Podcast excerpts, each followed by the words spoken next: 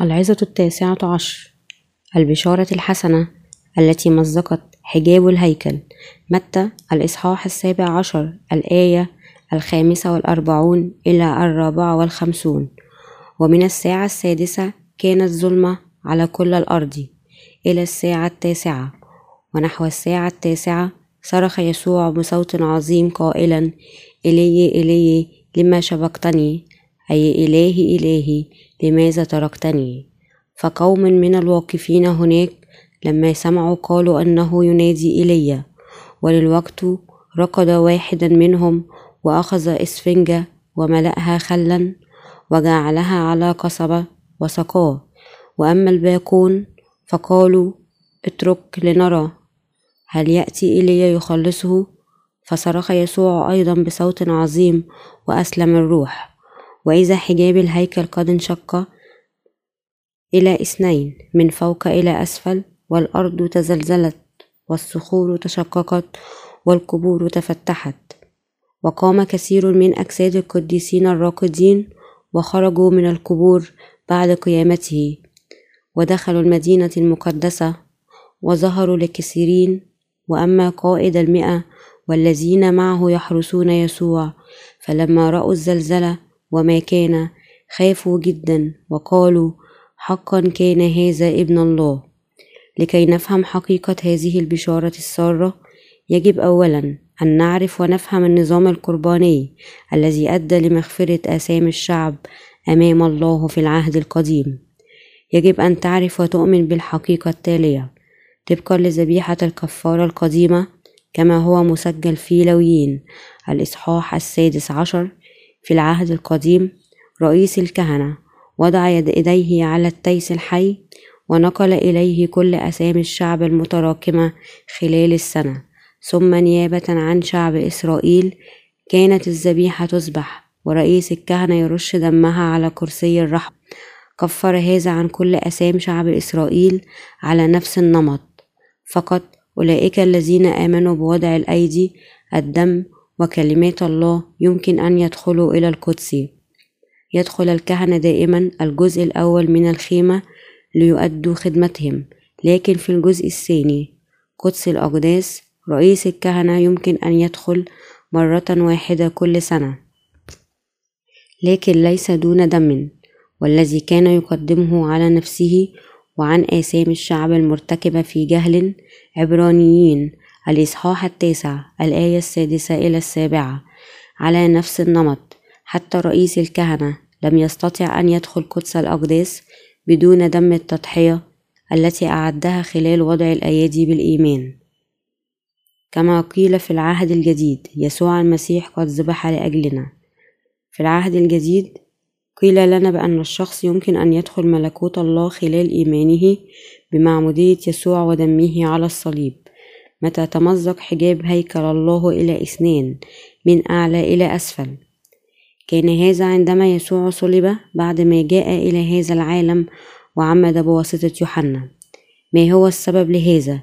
يسوع جاء إلى هذا العالم كذبيحة أي كحمل الله. أخذ أسام العالم بواسطة معموديته بواسطة يوحنا. وبالتالي طهر البشرية من كل أسامها عندما صلب. إن تمزيق الحجاب هو رمز أن كل أسامي البشرية التي تفصلنا عن الله قد تطهرت خلال معموديته ودمه على الصليب. يسوع نفسه كسر هذا الحاجز بواسطة دفعه لأجرة الخطية التي هي موت يسوع. قد عمد وصلب ليأخذ آثام العالم. هذا كان السبب أن حجاب هيكل الله قد مزق إلى اثنين كما أن الكهنة يمكن أن يدخلوا الخيمة بالإيمان. بوضع الأيدي الآن نحن يمكن أن ندخل ملكوت السماوات بفضل إيماننا بمعمودية يسوع ودمه. عندما صلب يسوع صلب صرخ بصوت عظيم قائلا إلي إلي لماذا سفختني الذي تفسيره إلهي إلهي لماذا تركتني متى الإصحاح السابع والعشرون الآية السادسة والأربعون؟ عندما أسلم روحه أخيرا قال قد أكمل. يوحنا الإصحاح التاسع عشر الآية الثلاثون. يسوع قد ترك بواسطة الآب على الصليب للحظة لأنه حمل كل آثام العالم منذ معموديته بواسطة يوحنا في نهر الأردن. مات من أجل خلاص كل البشرية وكنتيجة لمعمودية يسوع وموته على الصليب. كل الذين كان لهم الإيمان قد خلصوا لأننا نحن مولودين خطاة ومصيرنا الدينونة. يسوع قد عمد ليأخذ كل أثامنا إن البوابة لملكوت السماوات كانت مغلقة بإحكام حتى طهرنا يسوع من كل أثامنا عندما عمد يسوع بواسطة يوحنا ومات على الصليب تمزق حجاب هيكل الله إلى إثنين من أعلى إلى أسفل لكي يتمكن كل من يؤمن بيسوع من أن يدخل الهيكل السماوي لله أنا ممتن للرب لأن عندي الإيمان في بشارة الماء والروح. أنا يمكن أن أدخل الآن ملكوت السماوات خلال إيماني بالبشارة الحسنة التي أتمها يسوع خلال معموديته ودمه. لم يكن ممكنا لي أن أحقق الخلاص خلال قواي الخاصة أو إنجازاتي وجهودي. البركة التي تقودنا إلى ملكوت السماوات لا تقتنى خلال الصلاة المجردة التبرعات أو التكريس. الشخص يمكنه أن يخلص من الخطية فقط بواسطة الإيمان بمعمودية يسوع ودمه على الصليب. الشخص يمكنه أن يدخل ملكوت السماوات فقط بواسطة الإيمان في هذه البشارة السارة. يسوع هو باب السماء. لا يوجد أي إيمان آخر ضروري لأولئك الذين يؤمنون بيسوع. المدخل إلى السماء لا يمنح كتعويض عن التبرعات التي يقدمها الشخص أو جهوده الدنيوية أو أعماله الصالحة الأخرى. الشيء الضروري حقا للمؤمنين ليدخلوا الملكوت هو الإيمان ببشارة معمودية يسوع في نهر الأردن ودمه على الصليب. الإيمان بالماء معمودية يسوع في نهر الأردن ودمه الصليب سيقودك إلى ملكوت السماوات. الشخص الذي ما زال عنده خطية في قلبه مع أنه يؤمن بيسوع. يحتاج أن يؤمن بشيء واحد بشارة الماء والروح. وأنتم ستعرفون الحق والحق يحرركم يوحنا الإصحاح الثامن الآية الثانية والثلاثون. نحن لن نعرف الوقت المحدد لموتنا لكن يسوع يعرف كل شيء لأنه عرف طبيعتنا الشريرة. لذا طهر كل أثامنا خلال معموديته والدم على الصليب منذ ألفين سنة مضت. يجب أن نؤمن بهذه البشارة الحسنة التي مزقت حجاب هيكل الله. ولد المخلص من عذراء ليخلص البشرية من أثامهم عن طريق معموديته وهو بعمر الثلاثون في نهر الأردن. طهر يسوع كل أسامي العالم كل أسامي البشرية التي نتجت من ضعفهم وعيوبهم. قد غفرت بفضل يسوع. معموديته ودمه هي المفاتيح السرمردية لخلاص كل البشرية. يسوع قد عمد ونزف على الصليب والآن كل الذين عندهم الإيمان في هذه البشارة يمكنهم أن يدخلوا ملكوت السماوات. تمزق حجاب هيكل الله عندما أسلم يسوع روحه على الصليب. كيف يمكن أن يمزق حجاب هيكل الله إلى اثنين؟ عندما مات يسوع على الصليب السبب هو أن خلاص البشرية قد تحقق بواسطته بالبشارة الحسنة. في العهد القديم نتعرف على خيمة إسرائيل. هناك يقع مذبح المحرقة والمرحضة ووراء هذه المرحضة كانت الخيمة وداخل الخيمة وراء الحجاب يوجد التابوت حيث يوجد حضور ومجد الله. الحجاب كان محاكا بشكل قوي جدا حتى أن أربعة خيول تسحب من الجهات الأربع لا يمكن أن تمزق نسيجه مع أن الملك سليمان بدل الخيمة بالهيكل إلا أن الشكل الأساسي لم يتغير والحجاب ظل موجودا هناك يسد الطريق إلى قدس الأقداس لكنه تمزق إلى إثنين من أعلى إلى أسفل عندما مات يسوع نازفا على الصليب. هذا يشهد لحقيقة أنه كم جميلة وتامة هي البشارة التي أكملها يسوع بمعموديته ودمه. بارك الله كل البشرية بمغفرة الخطية والحياة الدائمة. ربطهم بالبشارة الحسنة. يسوع كالذبيحة دفع أجرة الخطية عندما عمد بواسطة يوحنا ومات على الصليب. الكتاب المقدس يقول إن أجرة الخطية هي موت رمية الإصحاح السادس الآية الثالثة والعشرون. كما في وقت العهد القديم الشخص يمكن أن يدخل هيكل الله بدم الذبيحة وينال تكفير للخطية. هكذا نحن يمكن أن نأتي إلى الله بذبيحتنا التي كانت يسوع. وننال مغفرة لذنوبنا. هذا هو الحق والكلمات أجرة الخطية هي موت تبين لنا كم هي كاملة البشارة الحسنة. الطريق إلى السماء هو أن نؤمن بالبشارة السارة إن تمزيق الحجاب إلى إثنين يمثل افتتاح ملكوت الله. عندما نعرف ونؤمن بهذه البشارة قائلين أوه يسوع أخذ كل آثامي. أوه دفع يسوع كل أجرة الخطية. أو على الصليب. باب السماء سينفتح أمامنا. السماء مفتوحة. الآن لأولئك الذين قد أتموا الفداء خلال إيمانهم بمعمودية يسوع ودمه. دم يسوع يخلص الخطاة من الموت ومعموديته كانت وسيلة ليرفع آثام كل البشرية. تزلزلت الأرض والصخور تشققت وانفتحت. عندما أسلم الروح على الصليب فقط عندئذ دمه قد على الأرض وبدأ يتدفق نحو طبقات الأرض السفلى. عندما مات يسوع على الصليب كل آثام البشرية قد طهرت البشارة الحسنة. قد أكملت وكل المؤمنين أصبحوا مستحقين أن يدخلوا ملكوت السماوات. هذه هي حقيقة الولادة الثانية عينها. هناك العديد من العلماء الذين قد قاموا بأبحاث لينكروا وجود السيد المسيح يسوع كشخص حقيقي لكنهم لم يتمكنوا أن يصروا على فريضتهم ضد الأدلة التاريخية العديدة لوجودهم. من بينهم العديد من تراجع وبدأوا يؤمنون ببشارة معمودية يسوع ودمه. هم أدركوا أن دليل وجود يسوع كان أقوى جدا من أن ينكروا وجوده. قبلوا يسوع كمنقذهم عندما هم عرفوا وأمنوا بهذه البشارة الحسنة. أي ولادته معموديته موته قيامته صعودي صعوده وظهوره الثاني نحن لم نشهد معمودية يسوع. عيوننا لم ترى ما حدث منذ حوالي ألفي سنة. ومع ذلك خلال ما هو مكتوب أي واحد يمكن أن يتلامس مع هذه البشارة الحسنة؟ حطم يسوع حاجز الخطية بين الله والإنسان خلال معموديته ودمه. وهكذا حجاب ملكوت الله قد مزق إلى إثنين من أعلى إلى أسفل. الآن أي واحد يؤمن بهذه البشارة الحسنة التي أكملت بواسطة معمودية يسوع ودمه يمكن أن يدخل ملكوت السماوات.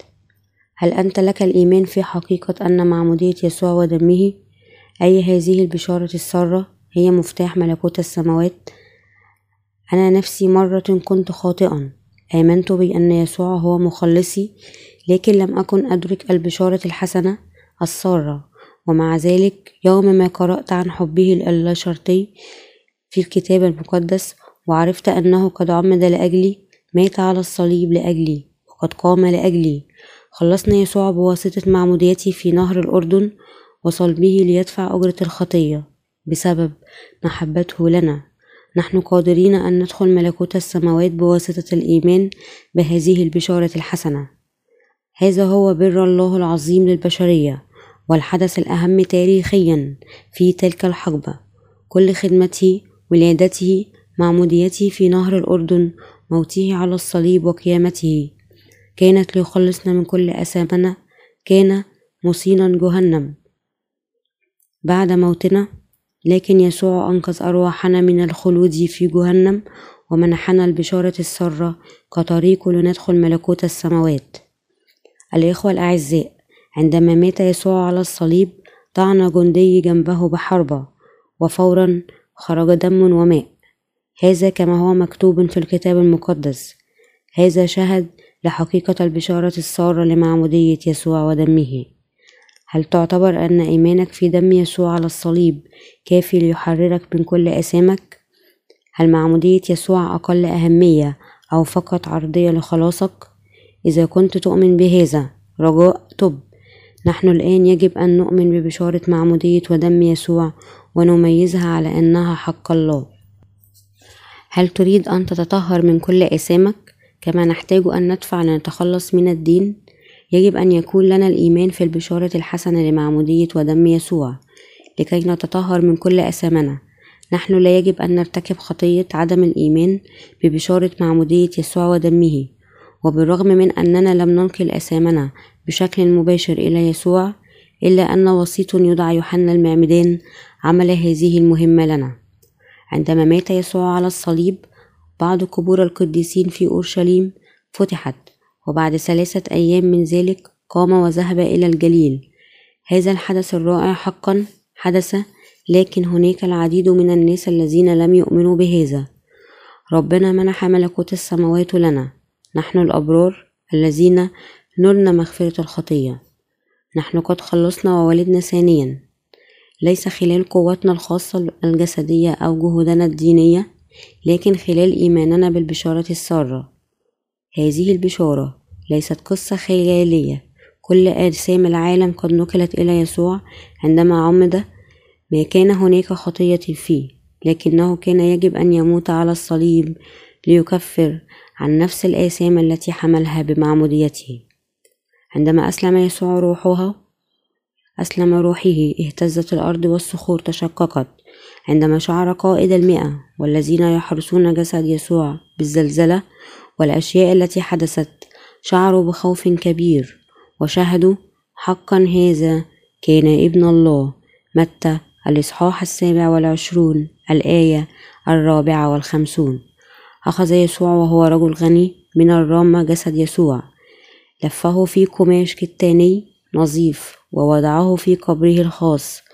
أعطى رئيس الكهنة والفريسيون طلبات لتأمين القبر حتى اليوم الثالث. ومع ذلك قام يسوع ليعطي حياة جديدة لأولئك الذين يؤمنون بالبشارة الحسنة. دخل الجليل حيث وعد أن يقابل تلاميذه قبل الصلب. كل هذه الأشياء ولادته معموديته صلبه قيامته صعوده وظهوره الثاني. كانت موجهة لأولئك الذين يؤمنون بالبشارة الحسنة. أنا قد أصبحت أيضا شاهدا يشهد بأن يسوع هو ابن الله الحي ومخلصي. بواسطة من يبشر بالبشارة الحقيقية؟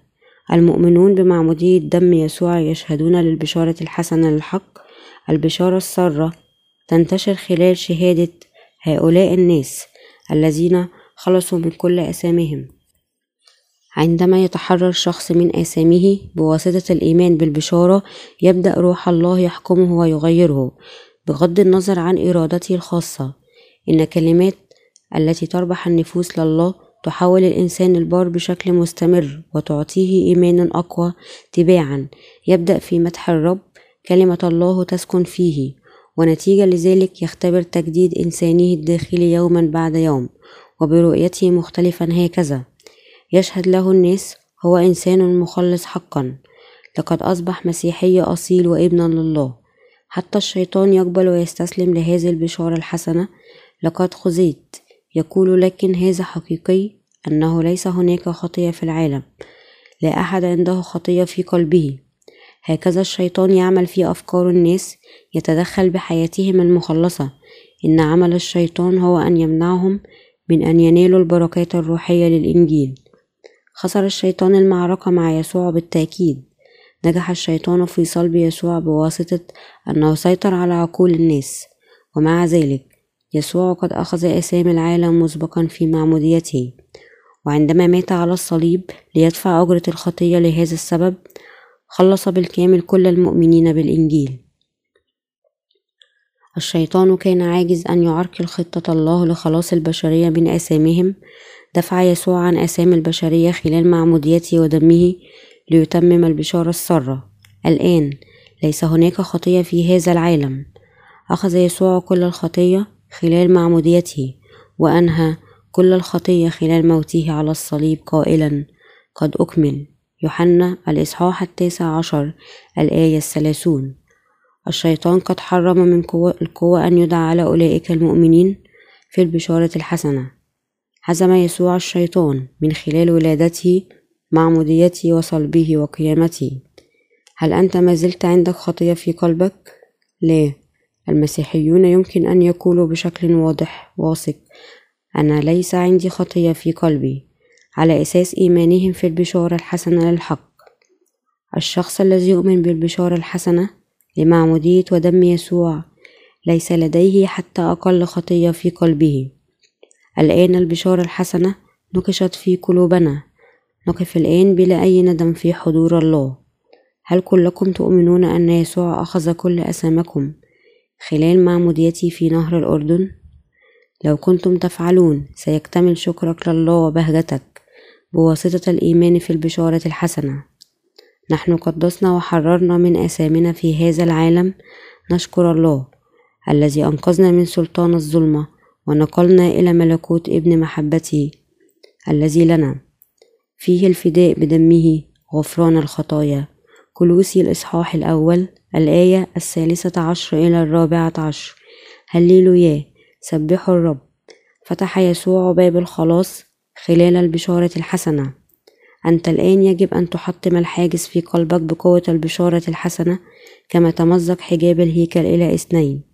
البشارة السارة قد جعلت لك ولي ونحن يمكن أن ندخل ملكوت السماوات بواسطة الإيمان بهذه البشارة وإنها الحقيقة النهائية التي تسمح لنا أن ننال سكن الروح القدس.